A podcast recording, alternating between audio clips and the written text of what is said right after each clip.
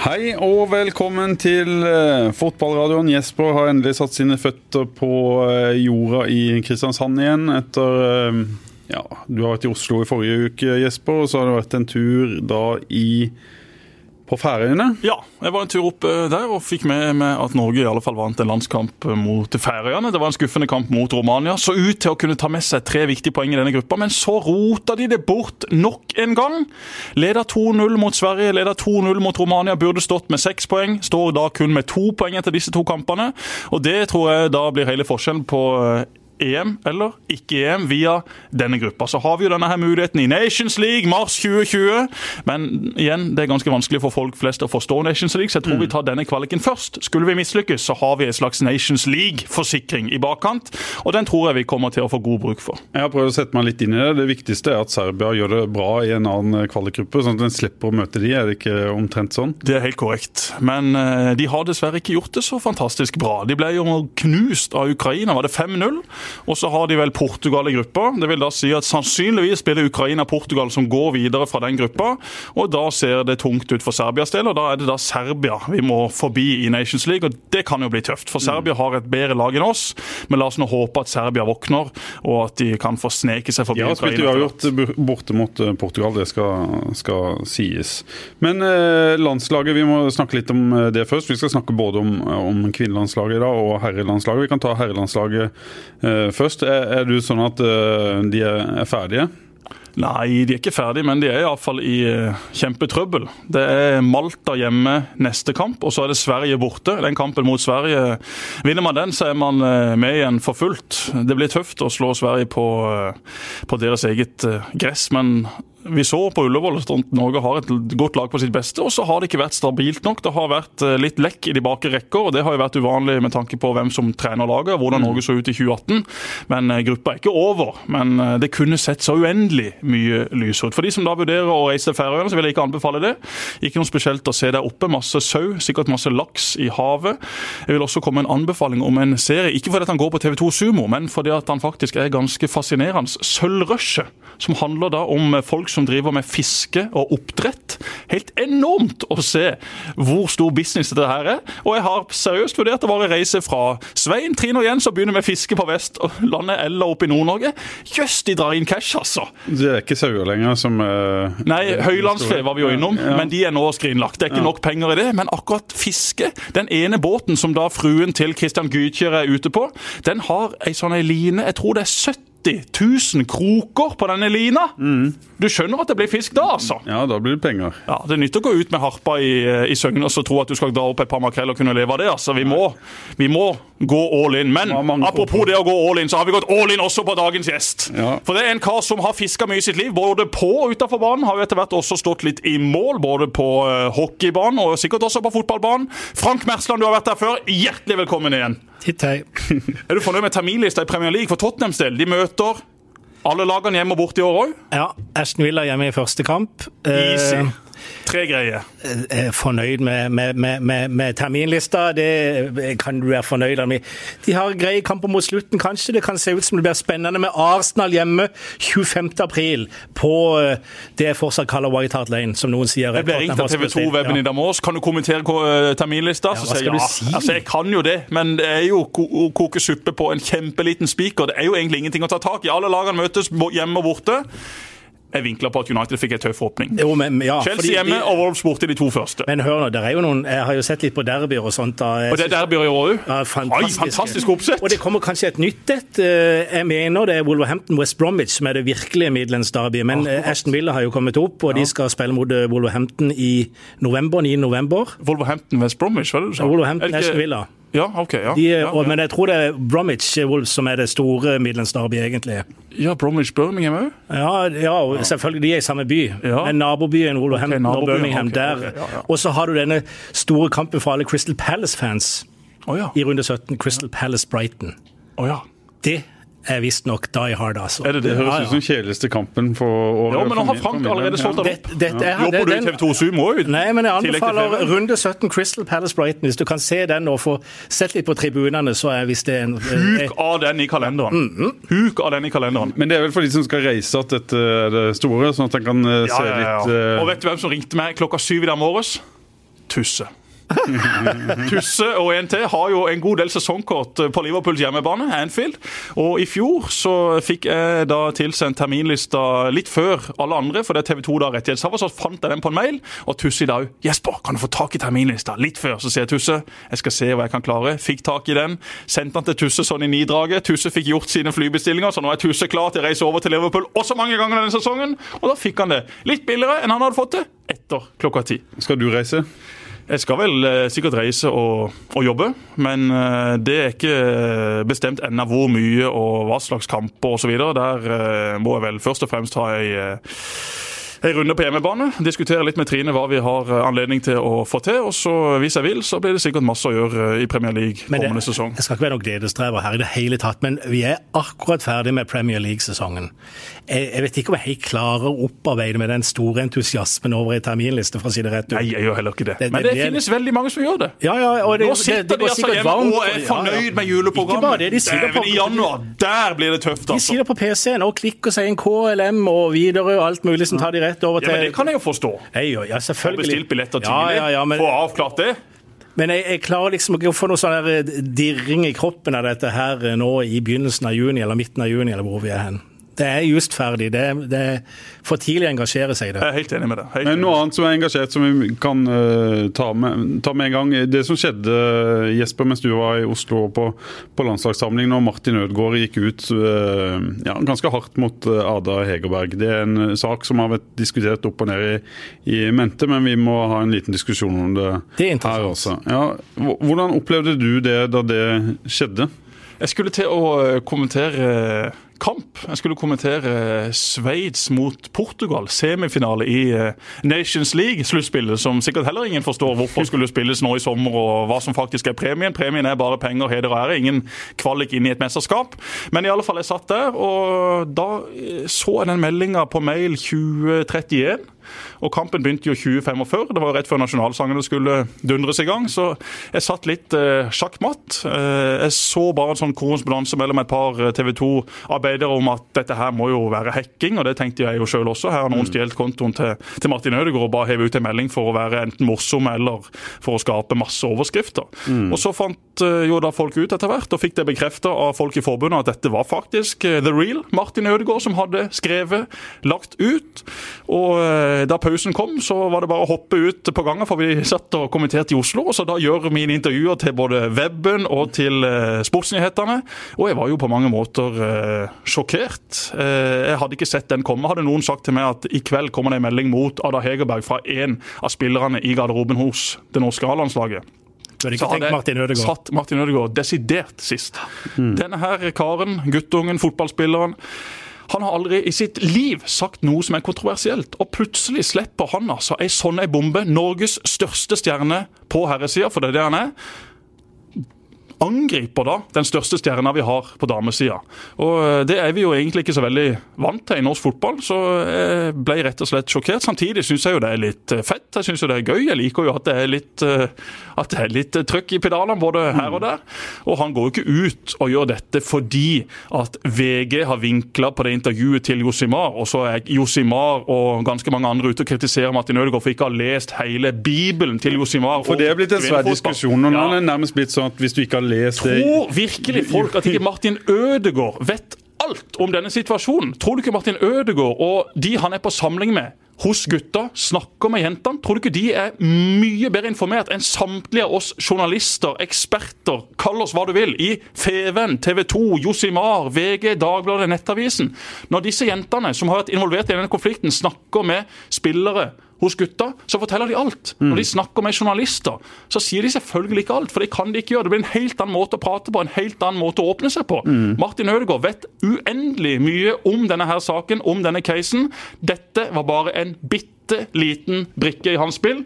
Da hadde han fått nok. Da dunka han det ut. Og så kan vi godt diskutere om det var god timing. For han kritiserte jo mm. jentenes, eller Ada Hegerbergs timing. Men uh, først så tenkte jeg jøss, dette er jo minst like dårlig timing av Ødegaard, for nå blir denne saken 100 ganger større. Mm. Men for jentene i Frankrike så virka dette her veldig samlende. Det ble jo mottatt med stormende jubel at noen endelig sto opp for dem, for de kan jo ikke gjøre noe rett før et mesterskap starter. Og for uh, gutta, de ler jo de gir jo blaffen. De lar seg jo ikke affisere disse her tingene. De er jo vant til at det stormer litt rundt i både i klubbhverdagen og landslagshverdagen. Så timinga til Ødegaard den kan sikkert diskuteres, men jeg tror ikke det var noe negativt verken for A-landslaget, for herrer eller kvinner. Hva, hva, tror du, Frank? Jeg tenker, jeg har ei lita regle her. Eh, når Josima bestemmer seg i vinter for å lage et jubileumsnummer, så kan de ikke komme unna å ha med Ada Hegerberg i det nummeret. Når de intervjuer Ada Hegerberg i det nummeret, så kan de ikke komme unna å stille henne spørsmål rundt hvorfor ikke hun er på landslaget de to siste årene. Hun kan svare 'ingen kommentar'. Hva er det for noe? Å skape ytterligere spekulasjoner, eller hva det måtte være? Hun er sin fulle rett til å svare det hun svarer. Og når Josima publiserer dette før et eh, VM for kvinner, så er de et eh, blad som er drevet av kommersielle interesser som alle oss andre. Det, det, du selger ikke solbriller i januar, du, du publiserer når det er hett. Mm. De gjør det. Og så kommer en eh, Instagram-melding fra Martin Ødegaard om at Ada Hegerberg eh, har tima dette særdeles dårlig. Jeg mener det bommer totalt på skiva. Og så vet vi også at han i ettertid har konferert med Lars Lagerbäck og med Espen Graff i forbundet. I forkant? I, I, forkant, før meldinga går ut. Og de har da sagt at dette er bra å sende ut. Og så tenker jeg òg eh, så, har det vært, så kommer eh, Leif Welhaven i VG som er første til å kommentere dette, og så sier det er dårlig timing. Ikke den det, første, han er som regel den siste. Ja, men, okay, men, alt i hele Norge. Ja, ja, det enten det er bompengestasjoner, enten det er ulv mot sau, eller om det er fotball, håndball eller ski. Han, jeg, jeg, leser han med glede ofte, men jeg, denne ja, gangen så Han er greit å skrive, men han trenger ikke mene noe absolutt nei, men denne, alt. Nei, men denne gangen syns jeg han bomma på, på, dette med timinga. For timinga har jo blitt det store greia i begynnelsen av denne her diskusjonen. da. Og jeg tenker Hun kan ikke gjøre noe annet enn det hun har gjort. Og Josima har gjort alt sitt helt riktig i forhold til hva de driver på med. Så kommer det, Og jeg tenker det er litt å ta fra eh, kvinnene som er på det landslaget òg. Eh, eh, eh, de er sikkert like tøffe i hodet som gutter. Altså, Jeg har vært omgitt av kvinner opp igjennom, en av koner og, og, og, døtre. Eh, og Det å få eh, å vite at det er noen som sier dette i et intervju, snakker om landslagsmiljøet og støtteapparatet fra 11 til 17, at ikke de bare henger det opp i veggen og skaper resultater på bakgrunn av det, at det skaper større samhold i gruppa. Det skulle vært nok. Det er ingen som burde begynne å peke på at se det der holder ikke, det er dårlig timing. Det burde bare vært en liten rød klut som kunne hjulpet dem til å prestere bedre. og Det tror jeg alvorlig talt at de har gjort, og jeg tror ikke de trenger noen andres hjelp til å gjøre det. Det jeg reagerer synes... mest på når det gjelder Josmas rolle, er at de gjør dette til en sak om uh, kvinnelandslagets historie. Nå åpenbart denne saken Men det har jo drukna fullstendig. Men den, denne saken handler om mye mer enn det. Og det handler om, om eh, konflikter innad i spillergruppa som, uh, som, er veldig ullen og som er vanskelig å få fatt i. Men det er jo åpenbart at det har vært uh, ting i, mellom, i spillergruppa der der folk har gått mot Ada, Ada Hegerberg vært åpenbart i to år. Ja. Lise Klavenes skrev om dette her rett etter at hun gikk ut av landslaget. En veldig, god, en veldig god oppsummerende artikkel. Og at Martin Ødegaard vet alt hva som skjer rundt landslaget, ja, men det gjør jammen hun òg, som tidligere landslagsspiller og en del av miljøet. Og Hun beskriver dette veldig godt. og Hun sier Ada Hegerberg jeg kjenner ikke hun i det hele tatt. Hun er sikkert ingen enkel person å håndtere. Altså Hun er ikke sånn som sier ja og tja til og ha til alt. Hun vet helt sikkert hvordan hun vil ha det, og det er en utfordring for enhver leder å ha flinke folk som vet hvordan de vil ha det i sin midte. Men det er ikke kun det denne konflikten her handler om. Nei, men Det er hun som står tilbake med svarteper, i alle fall i begynnelsen av denne utvekslinga her. om at hun, Det er dårlig timing med det hun sier. Jeg syns det er noe stort bullshit, for å si det mm. rett ut. Hun kan aldri vinne en eh, mediekamp mot Martin Ødegaard. Martin Ødegaard er untouchable. Når han går ut på den måten, så må faktisk Hegerberg bare legge av. Ikke i mine øyne. Nei, det, Nei, det mener jeg. Det tror jeg. Ja, det er helt sikkert. Og, og, Vi kan godt si at hun kritiserer forbundet og opplegget, men indirekte så kritiserer hun selvfølgelig også da de som sitter i den garderoben. For hva med de 20 som er i troppen? Å ja, De er ikke så nøye på dette. De godtar at det ikke er så profesjonelt. De godtar at det er sånn og sånn og sånn. Men du har vært i en prestasjonsgruppe sjøl, Jesper. Du har jo vært i en prestasjonsgruppe sjøl. Du vet at alle folk er ikke like der. Nei, det er ikke det. Noen stiller større krav enn andre. Meg at ikke hun har kritisert disse andre jentene, både nå og tidligere, når hun også går ut og sier at hun ble en dårligere spiller å være på landslagssamling. Hadde hun vært på landslag nå, så hadde hun ikke vunnet gullballen osv. Dette her kommer fra Camp Hegerberg. Og det har kommet sånne oppgulp jevnt og trutt, ikke bare fra henne. Hvem hvem, hvem er Camp Hegerberg? Det er mor. I går var det onkelen som var ute og mente at eh, det norske laget ikke var i nærheten av Frankrike. At de ble rundspilt. De ble jo ikke det.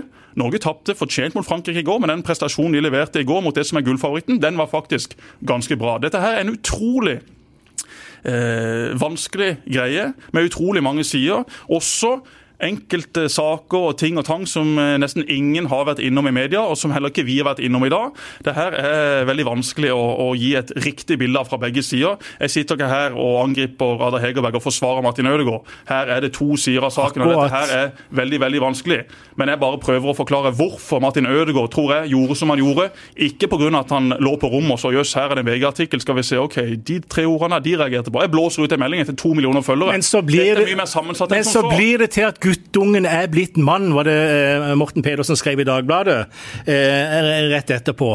20 år gammel som skriver noe på Instagram 'guttungen er blitt mann'. Jeg syns det er så mange fasetter av denne saken som du er inne på sjøl, at eh, ja, jeg syns det er veldig vanskelig det, det blir, å diskutere saken. Ja, det blir bare Jeg syns egentlig Vepsebol, minefelt, alt ja. sammen. Men hvordan kan det løses?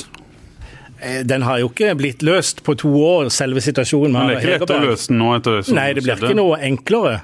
Eh, kanskje kan det provosere fram et eller annet. At eh, det, det, det kan være at eh, noen enhver går i seg sjøl, både på den ene plassen og den andre plassen, og sier mm. OK, vi er tjent med at osv. Og, og folk blir eldre. Hun er 23, hun blir eldre, hun får kanskje andre perspektiv på ting. De som har drevet på med dette i forbundet, kanskje kommer det nye folk inn som ser litt annerledes på, på, på, på saker og ting. og så kommer man eventuelt fram til sånn kan vi ha det sammen. Mm. Det får en jo alltid håpe. En vil jo ha med altså, en vil jo ha med de beste, og hun er den beste. Mm. Så det er klart det, En håper jo at dette løses opp. Det trenger ikke være på en minnelig måte engang, bare løses opp. Og at en kan fortsette å prestere sammen. Mm. Det er jo mitt ønske. Men jeg syns hun fikk, i hvert fall i den uh, første fasen av dette, ufortjent mye pepper. Mm. Det må jeg bare si. Og det er sånne som oss, for å si det litt sånn. Jo, men på, på, på Twitter, nå vet jeg at Twitter er ganske lite. Det er en veldig liten del av ja. samfunnet. Det er ikke veldig mange som er på Twitter, men der var det også veldig mange som har støtta og som et, har prøvd et, å si at Og særlig etter hvert. Ja, absolutt. absolutt. Så det finnes uh, altså, to leirer i denne saken. Ja, og vi har er med i et diskusjonsforum med en gruppe med gutter, altså, og der var det en som drev og slang hele tida uh, om dette her. Og jeg merka bare i begynnelsen ja, ja, ja, ja, det er en god kamerat av meg, jeg forloveren min, faktisk. Men jeg ble altså så fyrt etter hvert jeg måtte bare slenge ut en lang tirade i går. Så det hakka på. Så jeg merker jo det at det engasjerer meg. Det er jo litt gøy. At det er litt saft igjen ja, i 54-åringen. Sånn det er sånn det må være. Men eh, hvordan eh, kan det løses, Jesper? Sånn som det er nå, så kan det jo ikke løses. Det, kan ikke løses i, i nærmeste framtid. For her har det vært så mye eh, fram og tilbake fra begge leirer. Og dette stikker så dypt. Ada Hegerberg er kåret til verdens beste eh, kvinnelige fotballspiller. Hun har vunnet Champions League 100 eh, år på rad og, og avgjorde finalen nå for eh, ikke veldig lang tid siden. Så hun har det greit der hun er. Men hun blir jo aldri så stor i Norge som det hun kunne blitt hvis hun hadde vært med på landslaget. Nå er det altså en gjeng med jenter som sjarmerer eh, hele landet. For første gang i historien historien. Altså mm. Nå er det tegn til fotballfeber blant det norske folk. Altså Nå snakkes det på en helt annen måte om dette laget enn det har blitt gjort tidligere. Jeg merka det også i går. ja, Norge-Frankrike Men Merker du det på deg sjøl? Ja, litt. Litt. Jeg har ikke 41 eh, i feber, altså. Men eh, at vi har gått fra 36,9 til litt opp på 37-tallet, det, det, må jeg absolutt si. I går satt jeg børs på kampen. Jeg syns det, det, var en god kamp. Et mm. uh, fantastisk solid stopperpar.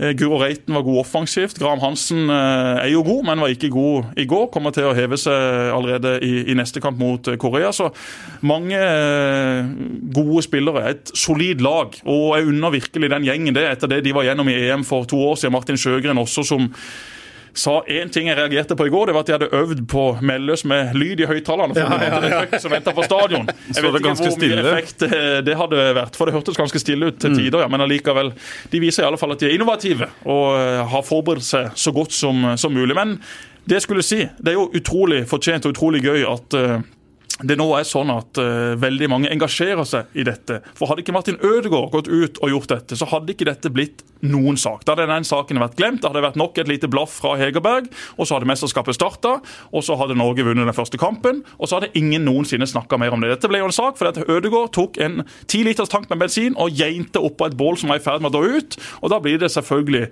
fullstendig fyr i teltet. Så det gir Martin Ødegaard æren for at det er interesse rundt damefotballen?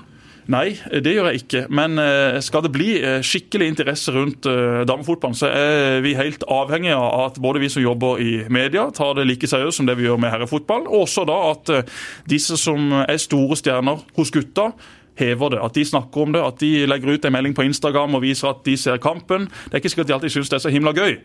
Og Det kan jeg også forstå, for det finnes eh, mange dårlige kamper eh, også der, akkurat som det gjør eh, i enkelte ligaer og divisjoner for, for herrene. Men er det et godt altså Jeg så kampen i går, og, og jeg så Champions League-finalen for noen uker siden. Og det er klart, under Champions League-finalen så sitter jeg med røda helt ytterst på sofakanten og hodet inn i skjermen. For damer eller Nei, for, for, for menn. Ja. Nei, men jeg ble ivrig, ikke sant. Det og det, også, det samme finner jeg meg sjøl i å gjøre i går òg, i andre omganger der. Uh, at jeg, jeg, vipper rumpa ut mot kanten og blir, og blir, engasjert. Og jeg tenker ja, eh, det er deilig. Og jeg, det, det, er helt riktig. Jeg har hatt ei datter som spilte fotball i noen år sjøl, som jeg var med litt rundt laget, men jeg merker sjøl jeg var mye mer engasjert rundt når, når Poden spilte, der jeg var inne og var trener og, og, og brukte mer tid. Eh, men, men, så tenkte jeg, eh, og, det er jo symptomatisk, eh, de slutta de fleste når de var 16-17 år av disse jentene, ikke sant, for det var andre ting. Men de hadde det vanvittig bra sammen, og de hadde en veldig god trener.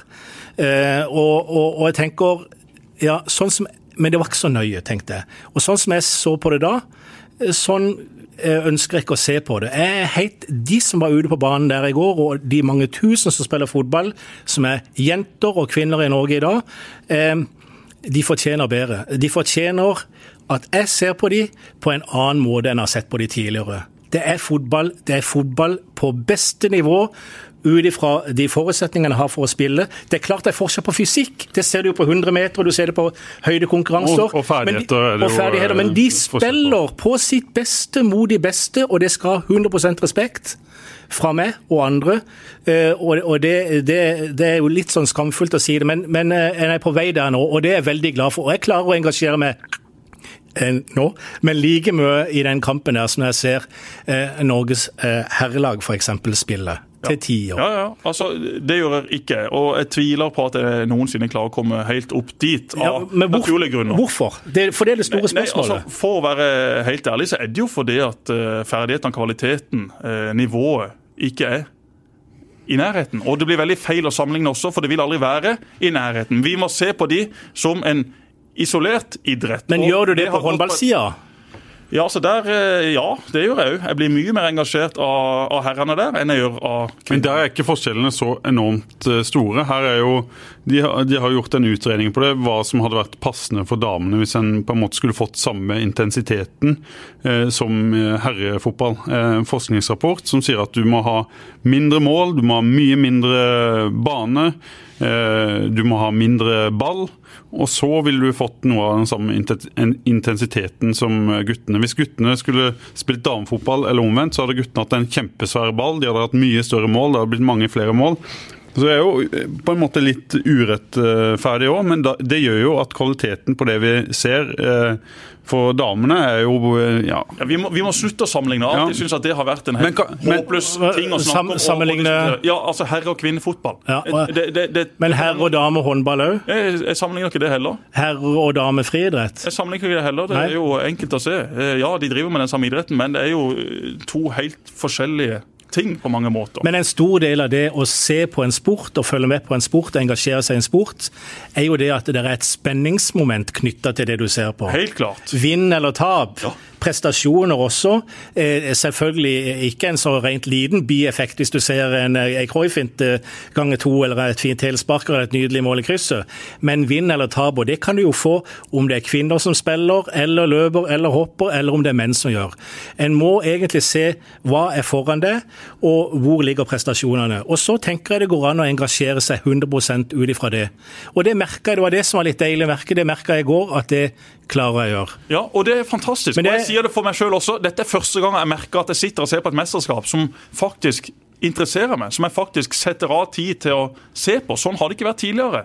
Og Men skal han en ha mindre mål og mindre bane og de tinga der, Jesper? Nei, det tror jeg aldri kommer til å skje. Det koster for mye Det hvis jeg skal lage mye, og egne baner. de skal selvfølgelig også få lov til å spille på de største arenaene. Du ser at de kan fylle de største arenaene. Det har vært tilfeller av dette her i klubbhverdagen i Frankrike, Spania, Italia, Tyskland. eh, Tyskland. Men jevnt over så er det jo fortsatt veldig lite folk, og det er det som blir spennende å se etter mesterskapet. Hva vil dette mesterskapet gjøre med interessen for klubbfotballen i Europa? For Og i Norge. ting- ja, og en ting er, ja, ikke minst. En ting er jo de som sitter og ser på mesterskapet, de som engasjerer seg i Hegerberg-Ødegård-saken. Men veldig få av disse kommer jo på kamp når Kolbotn møter eh, LSK. Nå, etter sommeren. Og Det er jo der utfordringa ligger. Skal vi få et eh, nivåløft i norsk fotball, så er vi jo helt avhengige av at kvinnefotballen, toppserien, får mer penger inn. Obos har gått foran som et strålende eksempel. De har sagt det. Vi skal være de første og de virkelig store som går inn her og sponser dette her med masse penger. De prøvde seg på en sånn en, eh, jeg håper å si, aktivitetsdag, ikke aktivitetsdag, men de spilte alle kampene i ei og samme runde. Oslo. I Oslo. På Ullevål. Og, og da satt jeg og så litt på dette og tenkte at dette er jo egentlig et ganske kult konsept. Og så fikk de litt kritikk for at eh, det var noen lag som måtte spille Avaldsnes spilte vel hjemme på ja, men, men uansett, det blir sånn pirk for meg. Ja. Vi må kunne se det i et større bilde. Jeg syns det egentlig var en, en god idé. og jeg tror nok det er i, i den, altså det er den veien du er nødt til å gå. Du kan ikke legge cupfinalen for kvinner dagen før cupfinalen. Men må vi ha topp, men må vi ha topp, toppklubbene i Norge på, på banen? Nå har vi sett LSK starte kvinnelag, Vålerenga har gjort det samme. LSK-kvinner er jo helt atskilt fra, Mm. fra herrelaget. Mm, Ja, det er det, men også fra resten i Norge, nesten. Altså, de jo, har jo vært suverene. Ja da, de har vært suverene. Eh, Det er jo også en, en, en diskusjon. Jeg, jeg tror det er en eh, lang vei å gå. Jeg tror det er langt fram i tid før norske klubber har eh, overskudd, når jeg snakker ressursmessig, økonomimessig, til å hive seg inn. Vi i ser ikke stat kvinner på en eh, stund. Nei, det tror jeg ikke. Nå er det Gimletroll vel som har overtatt laget Don. til Don. og Gimletroll, det som er håper jeg, si, kvinneklubben i eh, nærområdet, i alle fall. Mm. Og Så får vi se da hvor, hvor bra det kan bli. Det er begrensa hvor, hvor fantastisk det kan bli. Må vi ta med at Amazon gjør gjør det bra i forhold til det de har gjort de siste åra. Topper førstedivisjon, nest øverste nivå. Men jeg tror det hadde vært bra hvis du hadde klart å få, og da, eh, denne gangen vil jeg sammenligne med håndballen, hvis du hadde klart å få en tre-fire norske lag opp på et godt europeisk standard, fått de ut i cupene og konkurrert. Lillestrøm var det kvartfinalen de tapte mot Barcelona i år. Ja. Eh, Fått de Men det er vel såpass lite marked med kvinnefotballspillere at de, de beste norske spillerne fort går til gode utenlandske Jo, men det, klubber. det, det, jeg tenker, de klar, altså, Til en viss grad så har jo eh, norske håndballklubber eh, fra tid til annen Du har jo Larvik, du har Vipers nå, ikke sant? Ja. Når, når det har vært Vipers henter Heidi Løken, og så er Ja. det rykte om. ja, ja, men når det, Finnes når det det, et større kjøpelag i verden? Nei, ok, men når det har vært, det? når det har vært, når det har vært tre-fire jevngode, eller i hvert fall gode lag, så har det økt interessen du har sett de ut. Hvis norsk eh, damefotball får til noe av det samme, og med bygger bygge profiler eh, og kunne klare å trekke til seg noe mer folk, altså at er, vi snakker om tusener på kampene istedenfor hundrer, så tenker jeg vi kan begynne å snakke litt. Og så må de ha drahjelp av oss, og de må, ha, de må uh, få dyrke fram profiler. De viser seg uh, Det er klart, en kvinnelig norsk fotballspiller har jo alle muligheter til å bli en profil for unge jenter som øh, spiller fotball. Ja, Absolutt. se på Ada Hegerberg. Det er jo en av de største profilene. Vi trenger flere av de, og vi- nå har det blitt uendelig mye større i Norge hvis nå har det vært i Frankrike med flagget på brystet og skårer noen mål der. Det er det som er så synd med hele konflikten, som vi var innom Ja, vi var et par minutter i stad. Ja. At uh, Vi skulle jo alle håpe at uh, hun var med i troppen. Om hun hadde gjort det norske laget så uendelig mye bedre, det er jeg faktisk i tvil om. For uh, den eh, spissduoen eh, Norge har på topp nå med Herlovsen og Graham Hansen, som jobber så hardt, og Graham Hansen som er så god individuelt, jeg tror ikke hun hadde heva det der laget markant, men det å ha hatt henne i troppen, og også på laget selvfølgelig, hadde vært positivt. Det må ingen være i tvil om. Nei. Det som er også genialt med dette mesterskapet, er at det ligger jo nå i 2019. En sommer hvor det ikke foregår noen ting annet i fotballverdenen. Så høy De får fokus. all oppmerksomhet. Ok, Det var et Nations League-sluttspill som ingen egentlig forsto så veldig mye av. Det var en Champions League-finale for et par uker siden. Men nå har de full oppmerksomhet rundt dette. Og igjen, det er jo veien å gå. De må ikke tro at de kan konkurrere med andre ting. De må finne eh, perioder, dager, anledninger hvor ikke det foregår en hel haug andre store, om det er nasjonale eller internasjonale arrangementer. Og Da kan de faktisk få bygd opp dette her litt og litt. Men vi ser også det samme problemet i håndballen. I desember så er det 1,5 millioner seere når Nora Mørk eh, henter hjem nok et eh, gull til Norge. To uker etterpå, de samme spillerne, så er det 215 mennesker i hallen og ser på. Det er jo utfordringa. Det å klare å holde den interessen i over lengre tid. Ja. I. Folk må bli vant til det. Mm. Life is made up of many gorgeous moments. Cherish them all, big and small, with Blue Nile. Whether it's for yourself or a loved one, Blue Nile's unrivaled selection of expertly crafted fine jewelry and statement pieces help make all your moments sparkle. Blue Nile's experts are on hand to guide you, and their diamond guarantee ensures you get the highest quality at the best price. Celebrate a life well lived in the most radiant way and save up to 30% at BlueNile.com. That's BlueNile.com. Jeg tror eh, toppklubbene i Norge må på banen, bl.a. Eh, Start, hvis en skal klare å, Du, å heve det. Ja, du, tror, tror det ligger et, eh, du tror jo det kommer til å eksplodere. Ja, jeg tror eh, Det har jeg sagt eh, mange ganger, jeg har sagt det her òg. Men jeg tror vi er avhengig av å gjøre som i, i England, der toppklubbene går, går foran og fronter satsinga. Det er jo Problemet som Jesper er inne på, er jo økonomien i, i norsk eh, fotball. Der veldig få klarer å drive med Overskudd. overskudd. Jeg tror Hvis det hadde vært mye penger i fotballen, så hadde det selvfølgelig vært mye enklere for toppklubbene å satse, sånn som de gjør i, i England. Jeg har jo vært på mye kamper i England de siste åra, og måten de reklamerer og eh, fremmer de fotballjentene der, der borte, hvordan klubbene gjør det nå, det tror jeg kanskje er den for disse klubbene så koster det jo ingenting. Nei, Ikke sant? nettopp. Det er som jeg skal gå og kjøpe med en bugg på Men, butikken. men jeg tror det er med å løfte den eh, kvinnefotballen, spesielt i England, det, men de har økonomi og anledning til å gjøre det. Mitt Også- poeng er jeg sier at ikke norske klubber kommer til å gjøre det, men akkurat nå, hvis du tar bort et par av de klubbene som har sånn rimelig orden på økonomien, så er det jo utrolig mange klubber som har kjempeutfordringer der. Og det da å i tillegg skulle ha inn Men jeg på mange måter et nytt lag en Men jeg tror i fremtiden- Hvem skal ha garderoben? Nei, nei. Hvem skal ha banen? Finnes det fasiliteter nok? Finnes det er ressurser nok? Hvem skal ha den fysiske treneren? Hvem skal ha fysioterapeuten? Det kommer til å bli slagsmål. Jeg er helt enig, Jesper, men jeg tror hvis du ser 10 år frem i tid, 15 år frem i tid, så kommer det til å ligge penger i akkurat det. Og jeg tipper Norge kommer til å være ganske langt etter de beste. Og jeg tror det kommer til å hemme kvinnefotballen at eh, ingen får tatt de takene kanskje som er nødvendig for å, å løfte det mot den himmelen som ligger der. Det slagsmålet du snakker om, det har jo foregått i mange år allerede. Og det handler om eh, bruk av treningsbaner rundt omkring. Og den har damene nesten unntak tapt. Treningstid, det er utstyr, det er baller og alt mulig. Så det er klart, det er ikke noe nytt.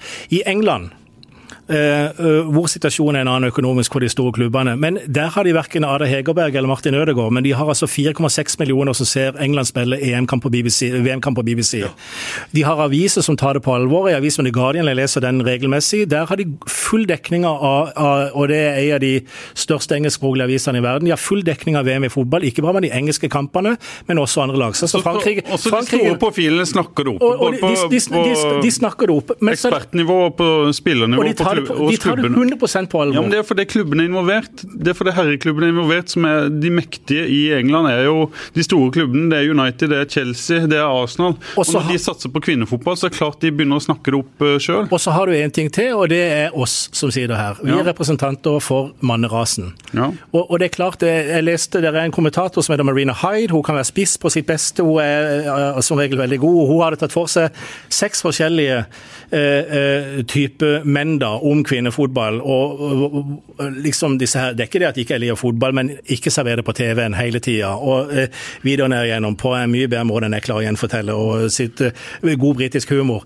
Men det er klart at det, vi er halvdelen av befolkninga, og det ligger det ligger ei greie hos oss mentalt også, mener jeg, til å faktisk snu vårt syn på eh, det en eh, på 70- og 80-tallet sa der og humra, ikke sant, og dårlig teknikk og kunne Det er noe annet i dag, og det krever noe av oss òg, som tilskuere til dette her. Ja, men Da må vi slutte å sammenligne. Det samme er de som sier vet du hva, jeg kan ikke se på Eliteserien, jeg kan ikke gå på startkamp, for i går så er Liverpool-Tottenham. Ja, ja. Og, og det blir for meg noe helt annet. Ja, det ser jeg også. Jeg er enig. Intensiteten, teknikken. Stadion, ramma, showet er jo et helt annet. Ja, men må med norsk fotball, Eliteserien og Obos-ligaen, ja, så er det helt andre ting som også da er sjarmerende. Så totalpakka kan bli god. Det samme må kvinnefotballen gå for. Ikke sammenlign deg med alt annet. Bygg deres eget produkt. Fortsett å by på deg sjøl. Fortsett å trene, fortsett å bli bedre. Smil, bann. Vær kyniske, vær hyggelige. Vær det som alle fotballspillere faktisk skal være. Så kommer denne interessen til å komme litt om litt og litt. Og du sier at de tar det seriøst bort i England. I går så var det altså Chelsea-treneren, BBC-ekspert, som mente det var en latterlig avgjørelse å gi straffespark til Frankrike. Da må hun lese regelboka. Jeg klikka på de som satt på weben i TV 2. For det var fronten på TV 2 etter kampslutt! De pusha det! En latterlig avgjørelse! Jeg ringte fem-seks stykker og sa hva er det vi holder på med? Det var jo Jeg kan VAR, ringe så det er selvfølgelig Jeg riktig. sittet børs på kampen. Jeg sitter jo og ser dette. Jeg hadde allerede tvitra om at det var et klink straffespark. Ikke prøv å fortelle det norske folk noe annet. Vi kan godt være uenige i regelboka og at det kanskje da ikke var et straffespark fordi hun var uheldig og mente det ikke. Vet du, Det har ingenting å si! Det var klart straffespark. Klønete i eget felt. Det slår meg en ting nå, eh, og det er helt riktig hvis vi får kritikk nå for å være tre menn som sitter her og diskuterer kvinnefotball. Ja, Ja. det er helt riktig. Ja, Og det er altfor dårlig. ja. Vi skal ha en eh, Fryktelig kritikk. Men jeg så Lene Mykjåland i dag morges. Ja, vi skal ha Ikke hun. Kristiansand, men på God morgen Norge. Når hun Hun er invitert, Ingvild Stensland er invitert, men de bor jo i andre byer. Har noen noen tips til hvem vi kan få inn i dette studio for å diskutere litt kvinnefotball og fremtida der? Det skal vi klare å finne. Send oss ei melding. Ja. 9051 44 9051 44 46. Det er Pål sitt. 997 507 er mitt. Frank, jeg kan dessverre ikke ditt i hodet. Nei, Du er å finne på både Facebook og Twitter. overalt. Ja, Vi får gå litt over på herrefotball, og så må vi diskutere Men vi har ikke eh, snakka ned damefotball i dag. I dag har vi snakket det opp. Ja, vi har diskutert eh, damefotball og damefotballens eh, fremtid, og det skal vi fortsette å gjøre i fremtida. Men vi må snart eh, avslutte også, for eh, Frank skal hjem og lade opp til Sør-Afrika-Kina, som begynner 21.00 i kveld. Han er i VM-bobla! Han skal hjem, åpne Panini-pakka, lim inn, bli kjent med kineserne, bli kjent med sørafrikanerne. Et kjapt tips til dette kveldens kamp, Frank. Yes, yes. Vi må snakke litt om Start òg, Ja, som, eh, Start. som eh, veldig mange er opptatt av som hører på denne podkasten. Det vet vi. Der har det jo vært eh, stille. De spiller jo ikke kamper lenger på våren Start, som vi, vi kjenner. Det er jo da én kamp eller to kamper på fem uker, er det det, Jesper? I en periode som egentlig skal være den mest eh, hektiske. Ja, Det eneste jeg har sett fra start i det siste, er at de først var inne i den der klatreparken på Åderøya. I går var de på den høyt og lavt klatreparken og skauen ut forbi byen. Rune Hægeland til og med oppi en vaier der og slang seg nedover som Tarzan. Ikke under buksa, men i De har treningsdressen. slutta å spille fotball. De har ikke slutta å spille fotball. De trener, men de har ikke spilt så mange kamper. Men hva er det som skjer eh, der? Nei, det var vel en kamp som da ble utsatt fordi at Start hadde spillere i et U-mesterskap. Eh, hvor Norge da til slutt klarte å vinne en kamp som garantert var fiksa nok om det. Og så var det jo da cupen, hvor Start ikke ville være med lenger. For der ville de sende videre Henrik Bøklum og Fram Larvik. Så da var den kampen eh, ferdig. Så er det jo da Obos-ligaen vi, vi står igjen med, og der har det heldigvis vært bra i det siste. Start har tatt utrolig viktige seire. Nå har de tre rimelig greie kamper før det er en ny pause. Og den vanskeligste av de tre den kommer på lørdag, borte mot Kongsvinger. Kampstart 15.00. Jeg vet ikke om den sendes på TV, men det går i alle fall å finne resultatet på tekst-TV mot kvelden. Vi, vi er der, Dere er selvfølgelig. Inn på fvn.no. Da får dere fulgt den kampen på best mulig 15.30 starter den, ikke 15.00. Men eh, noen seire til, og så er Joey Hardasson starttrener. Jeg kan ikke skjønne hva de venter med. Hvem skal de hente inn nå som skal komme inn i den garderoben og si OK, gutter, nå har dere vunnet jeg vet ikke hvor mange kamper de har vunnet på rad. Eh, Fire. Fire kamper på rad. Eh, kommer seg forbi Sandefjord. Ligger eh, veldig fint i rute. De går i hvert fall forbi Sandefjord. De har jo en hengekamp, men ligger vel fortsatt bak Sandefjord på tabellen. Men går forbi hvis de da vinner eh, hengekampen mot ja, eh, jeg regner alltid inn hengekamper som seire. Ja, selvfølgelig. Ja. I alle fall når det er lag i toppen. Nei, eh, jeg, jeg kan ikke fatte hvorfor ikke de bare kommuniserer ut at Joey Hardasson er vår hovedtrener i 2019. Det å skulle hente inn en ny trener nå, det blir litt som eh, at United skulle hente inn en ny hovedtrener da Solskjær plutselig hadde vunnet åtte-ni kamper på rad. Fallhøyden blir ekstremt stor. Mm. Men er det, er det spillergruppa som må hensyntas her?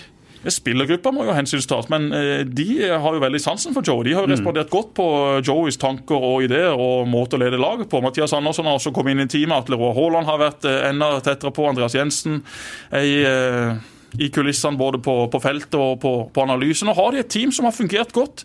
Skal du nå inn med en ny trener, et nytt tankesett, en ny formasjon, en ny måte å spille fotball på? I tillegg da så vil eh, alle vi som sitter rundt, bare sitte og vente på ok, taper han en kamp eller to nå. Ok, Hvorfor ansatte dere ikke Joey? Mm. Det å gå videre med Joey og resten av gjengen nå, det ser jeg på som det, Det det eneste alternativet. Og det, mest, eh, det som er mest fritt for risiko. Selvfølgelig. Og det er også det billigste. Start har jo en anstrengt økonomi, selv om de har eiere som har spytta inn masse penger. Det å skulle bruke én eller to millioner nå på å hente en trener, og for det andre, hvem skulle den treneren vært? Dere hadde en liste med masse kandidater. Eh, jeg kan ikke se eh, navn der som jeg tror hadde heva dette. Det er én mann. Han går nok Start ikke for, men det er Tom Nordli. Han hadde satt fyr på dette bålet. Han hadde spilt underholdende fotball. Han hadde sørga for at det hadde kommet 2000 ekstra mennesker på første kamp, og sannsynligvis 2100 på neste kamp.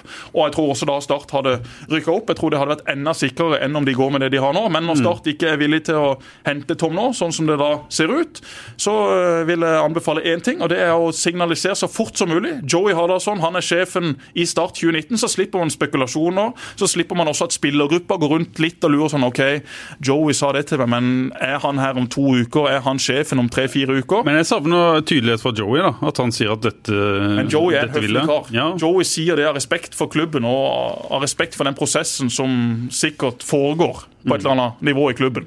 Er du imponert over spillet de fire kampene de har vunnet? Nei.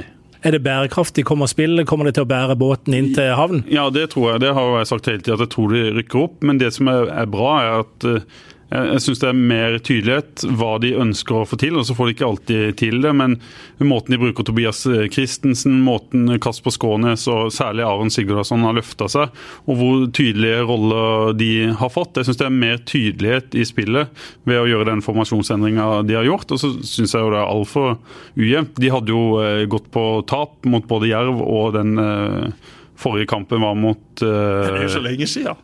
Hvem var de spilte mot eh, sist? Ikke Skeid, det var kampen før. Jo, det var Skeid. Ja. De hadde tatt begge de to kampene i Eliteserien. Og det er jo der vi må måle dette prosjektet. Det skal, Start skal være en eliteserieklubb med den satsinga de har gjort. Og da må de også, hvis de skal rykke opp, ha noe å gjøre der neste år. Så det er jeg redd for. At hvis de satser med Joey og og kjører på med den stallen de har nå. De har kanskje ikke så mye å investere med. Det kommer noen nye spillere. Om de klarer å løfte seg opp til det nivået Jo, det, som kreves for å overleve neste år, Jeg det er jeg usikker på. Men jeg ser det, men det en også må spørre om, det er det om en ser at det er en utvikling i spillet. Du sier de har tatt de ideene som trenerapparatet har, og kan du se en utvikling som kan bli en tydeligere eh, spillestil i løpet av sesongen som kommer nå, og noe en har tro på? Det er vel det en må stille seg spørsmål om når en vurderer om en skal Eh, hente inn et nytt navn, eller om en skal fortsette med de samme.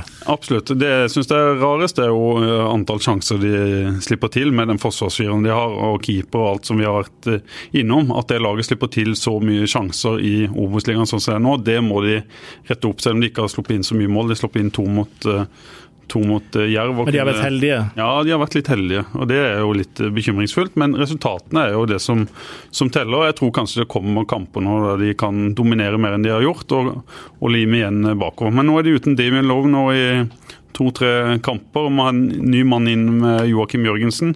Og den sentrale midtbaneduoen der Aremu skal være en som vinner baller med en av og på. Erlend Segberg er jo en som skal strø pasninger. De får det liksom ikke helt til å funke sentralt, så jeg er litt bekymra på Stats Jeg er mer vegne. bekymra for det enn jeg er for hovedtrener. For igjen, Vi må tenke litt realistisk på dette. Start ligger der de ligger. Økonomien er som man er. Man har de spillerne man har. De aller fleste interessante trenerne, enten det er Norge, Sverige eller Danmark, er i jobb. Nå er det ikke sånn at det er masse fantastiske trenere ledig på markedet. Eh, og Derfor eh, sliter jeg virkelig med å finne alternativer som jeg tror kunne gått inn og bare vært en garantist for å heve det startlaget. Tom er Tom, han har sine sider, men han har også en eh, egenskap ute på feltet som er helt i en egen klasse. Men jeg tviler veldig på at det blir han, i alle fall sånn som det ser ut nå. Nå har Joey vunnet sine kamper, og Start har ikke foretatt seg noe, eh, så vidt meg bekjent. Og da, da Men det er jo- tror jeg de går med det de har. Så må de ha en spiss som uh, skårer mer mål enn det Bringaker gjør. eh, En annen type spiss i Hva det sitter du håper på, Frank? Du er eh, Start-supporter.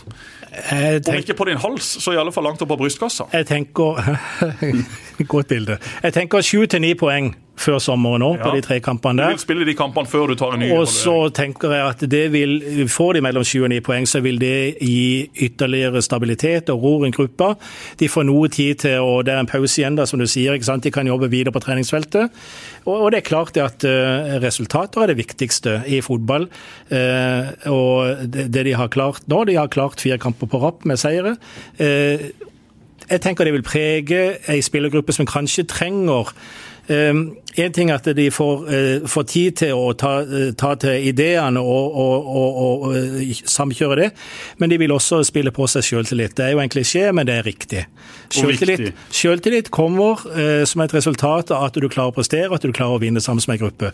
Og Hvis det er tilfellet at de presterer bra mot sommeren nå, så ser jeg i alle fall ingen grunn til å gjøre noe med trenerapparatet. Skulle det bli ett poeng istedenfor sju poeng på de tre kampene der, mot de fleste odds, da, mm. så tenker jeg at da er kanskje det er tida eh, som er rett for å tenke her må vi gjøre noe. hvis vi skal opp igjen. 90 99 000. Ja, men, ja, men ikke sant. Jo, men det, det, Tom Nordli. Eh, men, men, det, det, men det der er nå. Jeg tror ikke at de tar ett poeng, og det er derfor jeg sier det jeg sier. Ja, ja. Jeg tror det blir mellom syv og ni poeng på de tre neste kampene. Kongsvinger borte er den tøffeste, men så har man da Notodden Notodden og Tromsdalen vel også. Så, så der bør det være muligheter, som vi har snakket om eh, tidligere i, i andre sammenhenger.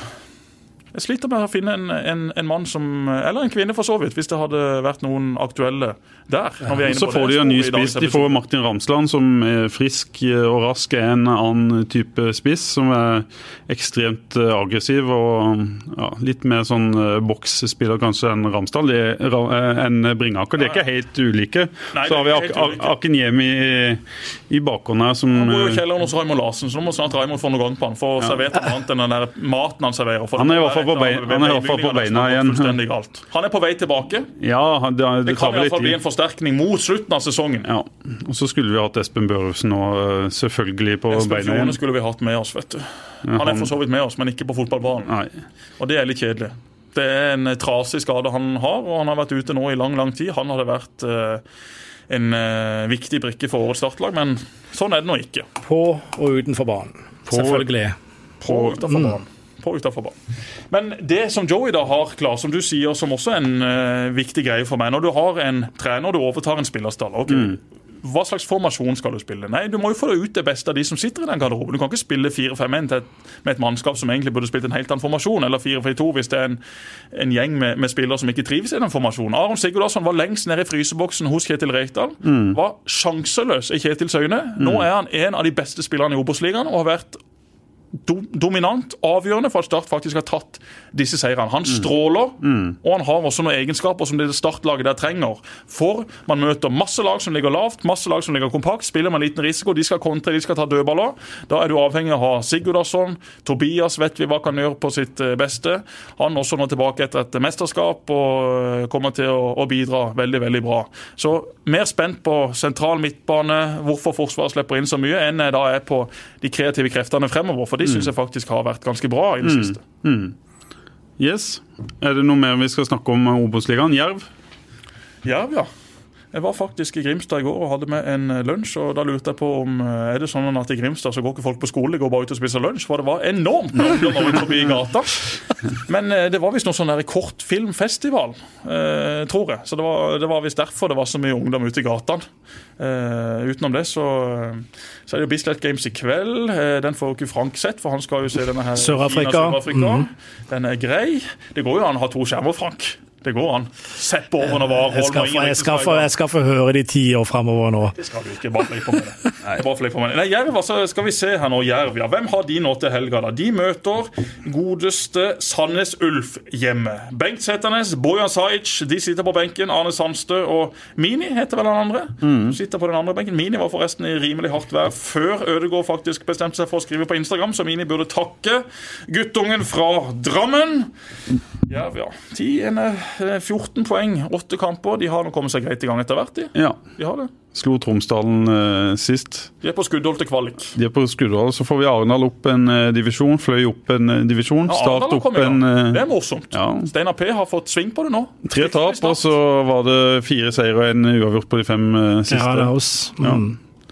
Kongsvinger Start, ja. Start Notodden og Tromsdalen Start. 30.6 er den siste av de tre kampene. Og så er det da tre ukers pause. 21.07 hjemme mot Kamma og borte mot Kisa. De to kampene i juli. Syv til ni poeng, Frank. Det, er, det, er bra å ha Jerv eh, i en posisjon hvor de ligger an til kvalik. Det er fint. Der, eh, etter det de har prestert de siste årene, så er det veldig bra at de fortsetter å være der hele tida. Avhengig av han ene at han uh, blir. Ja. Ja, han er jo Utlånet hans går jo utenom, men blir vel kanskje i Grimstad. Selv om uh, han sjøl uh, kunne tenke seg noe annet. Er det en spiss Start burde vurdere? Ja, selvfølgelig. Hadde start, eh, for kloet hans hadde Start vært forsterka på spissplass. Det er det ingen som helst tvil om. Har en enorm fysikk og fart og kan gjøre ting på egen hånd som ikke Bringaker kan gjøre mm. på egen hånd. Start blir litt veike på spissplass. Nå skårer han riktignok noen mål og fikk krangla inn et mål sist, og så videre, mm. men du ser at Og jobber veldig godt. Ja da. Det, det, gjør han absolutt. Han legger ned en enorm innsats for kollektivet. Men jeg skulle gjerne sett en enda råere spiss, og det hadde jo Start i Adeleke. Mm. Men når du henter en spiller for uh, ja, nesten i alle fall tosifra antall millioner, og han da går på et uh, beinbrudd, så sier det seg selv at du i Obos-ligaen ikke har like god backup. Mm. Da hadde det virkelig vært galskap her nede på, mm. på, Sørlandet. Det er jo galt nok som det er, vil mange si, med tanke på hva som er henta inn og hva som er brukt av penger både på lønn og overganger. Mm. Men nå kommer Ramsland, som du sa, Pål, og han har etter hvert nå begynt å vise seg frem for Sogndal. Sogndal veldig god i den bortekampen mot Sandefjord. Den satt jeg og så i sofaen og ble utrolig skuffa over Sandefjord, utrolig imponert over Sogndal. Så har Eh, en spiller i Sogndal som vi kan diskutere litt før vi legger på røret, er jo eh, Eirik Skjulse, som går ut av kontrakt med, med, Sogndal. Som er på mange måter en veldig undervurdert spiller, med veldig god statistikk når det gjelder mål og, og målgivende. Er han en fyr som vi kunne fått ned her, Jesper? Ja. Hvor gammel er han nå? 5-26, 6-27 kanskje? Han har i alle fall uh, noen fine år foran seg. Og en, en, spiller og en fyr som du vet hva du får med. Og så er det selvfølgelig også en spiller som du vet hva du ikke får med. Det er jo ikke mm. en spiller som blir uh, en av Eliteseriens beste midtbanespillere, sentrale uh, midtbanespillere. Men kan vel fort gå til en eliteserieklubb hvis han, han ikke kommer hit? Og jeg tror han har lyst til å komme til Sørlandet. Nå har mm. jo hans gode kamerat Ramsland allerede bestemt seg for å komme ned hit. Og det å ha Scholz uh, som en spiller i en elver slash i skorpa til en elver, mm. det ser jeg på som en naturlig greie Start bør prøve seg på. Mm. Det er sånne typer Start også må få tak i. Ikke så hvis Slatko i Viking Hva sa du? Slatko i Viking som går ut av kontrakt, er det noe håp der? Ja, så Slatko har jo gjort det veldig veldig bra. Jeg vil tro at han har tilbud fra eh, mange klubber. Ikke bare i Norge, men også fra utlandet. Det spørs jo hva Slatko vil. Mm. Tor omsider han fikk solgt leiligheten sin her oppe i Johan Ødegaards. Han prøvde å selge den først. Det lå litt høyt, eh, la litt nytt gulv. Så heiv han den ut igjen, og så var det noen som beit på. Så da ble Slatko kvitt den. Var i Kristiansand her for et par uker siden, det kan jeg melde. Traff han uh, sammen med Mathias eh, Bringaker. Og spurte selvfølgelig når han er tilbake i start. Dette er den riktige byen, sa Slatko og smilte.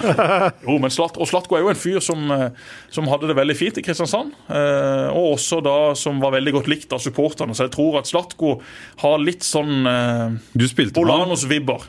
Du spilte med han? Ja, jeg spilte med han, men det var jo ikke så mye, for jeg var jo Du var skada, ja. Skadet. ja.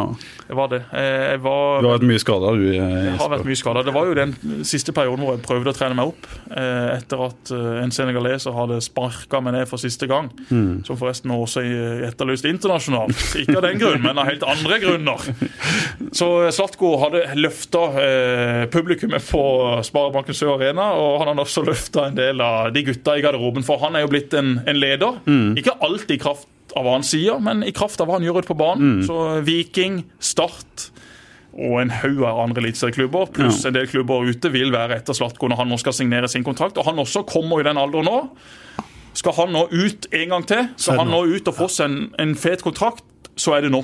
Mm. Og Derfor tror jeg nok også det kan være aktuelt for Slatko. Han skapte jo begeistring fra første stund han kom. Jeg husker Vi traff han jo når han ble klar for klubben, Pål, i, i, Danmark. Mm. I Hobro, ja. Hobro, var det ja, der, ja. Han kom inn på hotellet. Han kom inn på hotellet, og veldig høflig, og eh, da ung kar. Eh. Ja. Jeg trodde jo det var en beskjeden kar helt til han fløy flint opp på Lerkendal. da. Ja da Monsia Mille hadde sagt til Slatko og Ønesta Santa at dere spiller kun hjemmekamper. Og så sitter dere på benken i bortekampene, og da skulle Espen Hoff og Mathias Williamson da spille spiss i Mjelles 4-4-2. Ja. Ja, ja, ja, Williamson Hoff. Jøss, for ei rekke. Og det er da du tenker Det er litt, jeg må bare si det, det er fire-fem måneder til, til, til serieslutt i Norge nå. Mm. Eh, det er litt kjedelig å tenke på at vi har en klubb i Obos, to klubber i Obos eh, og nivået under. Men hvis klubber nå har en suksessfull avslutning på denne sesongen, mm. så kan vi si det med et uh, eliteserielag neste år to klubber. Og en gøy høst i Grimstad, mm. for all del, som en aldri vet hva ender opp i. Eh, men i én til to klubber i, i Obos, og, og Fløy, mm. som, som, banker på litt igjen. Og, og, da er det plutselig Da, er, da har sørlandsfotballen plutselig tatt et godt steg opp Og, og, og, Ja, hvis du har et lag i Eliteserien, to i Obos og ett i andredivisjon, som kan bli realiteten, da. Eh, Arendal er vel kanskje usikkerhetsmoment Nei, men der, la oss, så er du på et nivå du aldri har vært, vært Riktig. på riktig. før. Og da, vil du, og da tenker jeg at det vil, det vil være med på å heve alle lagene. At en går opp et hakk i, i, i nivået på der, der en spiller. Absolutt. Eh, Som vil igjen trekke mer eh, Vil gjøre det mer attraktivt for eh, gode spillere å komme hit. Så det er det jeg ser for, det er det jeg ser for meg. I, i krystallkula. Ja. Alle fire lagene, et, eller tre av lagene er tatt opp og, og Jerv oppi der. Og Amazon òg ligger an til opprykk, eh, forteller Og du. Amazon. Ja, de Jøss, for en sesong det kan bli her på Sørlandet! ja, spiller nøkkelkamp mot Hønefoss vel til, til helga. Det blir blaut kake i november. Blaut i november, Ja. og desember og januar. Jeg vet åssen det er. Men vi sier takk for i dag, kan vi ikke det? Nå Skal vi ikke gjøre det? Jo. Så snakkes vi en annen, da. Ja. Ja. Veldig hyggelig, Frank. skal vi synge? Skal Nei, vi det? nei. Ikke da. Vi må vente lenge til jul. Ja. Ha det.